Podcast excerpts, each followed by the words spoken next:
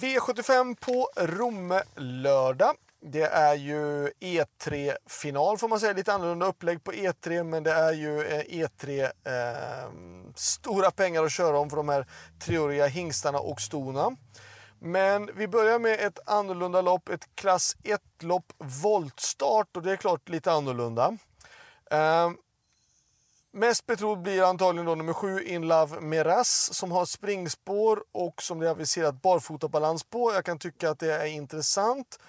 Även nummer 6 Leroy Boko tycker jag är intressant också. Sen så eh, kanske nummer 3 Matier och nummer 2 Notorious Zon. Det är väl de som jag tycker är utgångshästar. Alltså 7, 6, 3, 2 är väl i den ordningsföljden vill man ha ytterligare hästar då kan jag tycka att 1 Across the World är intressant och sen även 12 Isola Silvåkra och 11 Is, Isas Dreamboy tycker jag också den har gått väldigt, väldigt bra. Men verkar ju trivas som allra bäst när den är med där framme. Eh, så jag rankar loppet som 7, 6, 3, 2, 1, 12, 11 i sådana fall. Eh, Åtta Johan Hills, ja det krävs nog en hel del tur eh, för att han ska kunna vinna från det här läget. Det gäller att det löser sig. Det ser ut att bli ett lite grann låst lopp härifrån. Men visst, får jag den där luckan som jag fick på Axvalla, ja då skulle han kunna vara med och kriga om det han med. Vi går till V75 2 och 5 eh, Great Time Trot tycker jag ser, väldigt ut, eh, ser ut att vara väldigt intressant. Ehm, det här är ett långdistanslopp och han har ju då fått framspår och sina värsta konkurrenter tycker jag är nummer 9 Jobspot och 10 Dajanov.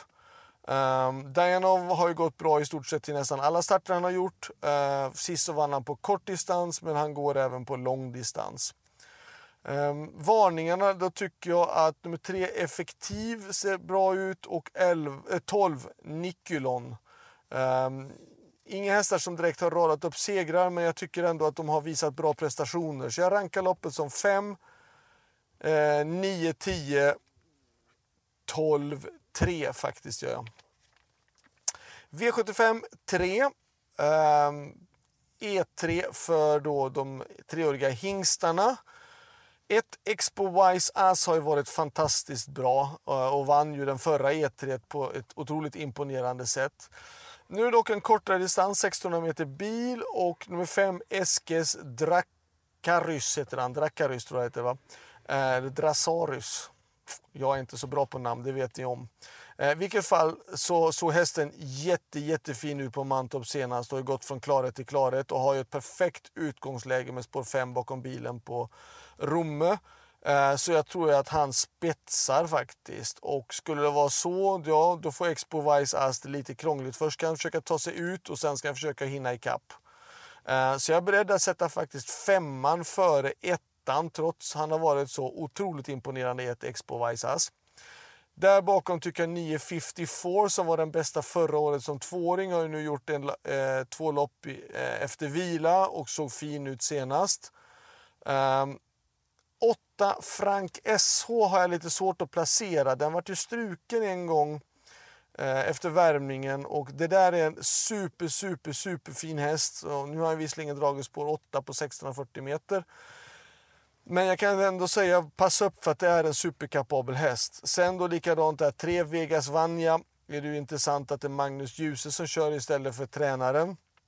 Med ett perfekt utgångsläge. Själv kör jag 4 Caviar from the Mine som också är snabb ut. Eh, och går bra i ledningen.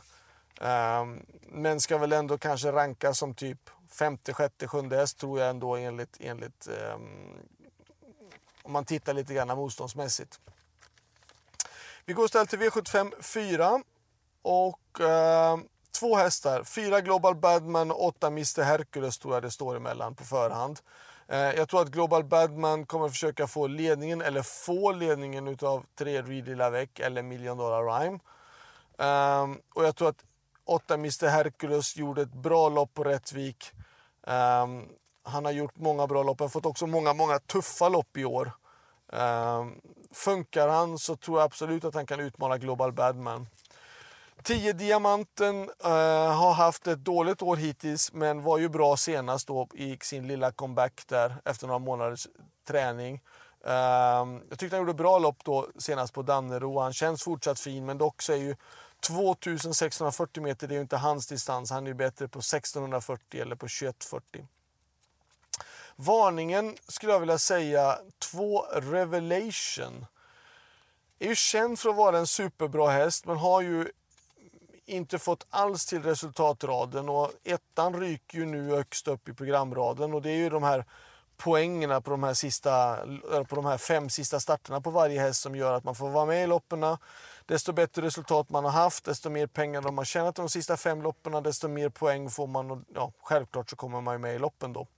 Men om nu Revelation kör en nolla till, ja då har han nästan inga poäng kvar. Och Eh, skulle han bli diskad en gång till, ja då måste han till och med kvala. Så att jag, jag kan känna att den måste lite grann prestera den här gången, Revelation. Och funkar den så vet vi att den besitter så pass hög kapacitet att den kan utmana i alla fall. Men 4-8 är det mest intressanta här i avdelning 4. Avdelning 5. Eh, här blir det nog lite grann körning tror jag. Det är 1640 meter bil. Jag tror att 3 Filippa BJ är väldigt sugen på att försöka ha ledningen. Hon presterar lite ojämnt tycker jag, Filippa BJ. Hon eh, var ju rysligt fin näst senast och senast var det inte riktigt samma drag. Hon är ojämn. Men har hon en bra dag är hon tillräckligt bra för att kunna utmana. Och värst emot tycker jag är nummer 5, Lindis Muscle Mania som ska rankas etta före det. Så 5-3 rankar jag loppet som. Där bakom två Melby Imperial som går ut på kort distans. Jag känns ju lite sådär, undrar om man kommer hinna med på kort distans för han känns ju liksom lite mer stark än snabb. Ehm, sex Marlon Boko är också intressant och varningarna för mig tycker jag är fyra Corazon DB. Den hästen har haft jättemånga dåliga utgångslägen. Tittar man på de fem sista så är det sju, spår 7 och sen hade den spår 3, då vann den. Sen har den haft 9, 7, 7 och den här gången har den spår 4 på kort distans. Um, jag tycker det är värt att passa upp. Likadant nummer 1, Denarius. Det är likadant där. Den, den, om den skulle kunna få loppet vid sargen så skulle den kunna vara faktiskt ganska så farlig. Men jag rankar loppet som 5, 3, 2, 6 och där bakom då 1 eller 4. V75 6.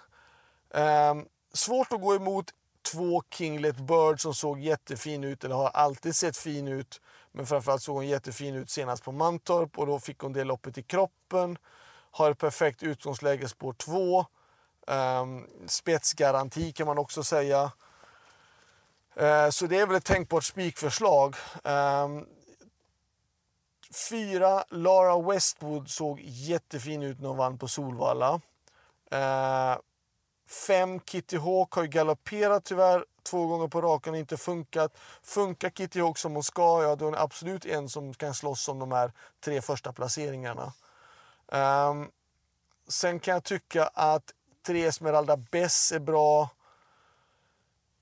Åtta Coral Cougar är nog ett långskott från spår 8 men den, den kan ju bättre än, än, eh, än senast helt klart. Uh, varningen, då säger jag ett A teaser. Uh, eh, den hästen spurtade rysligt bra faktiskt på Tingsryd var det ju.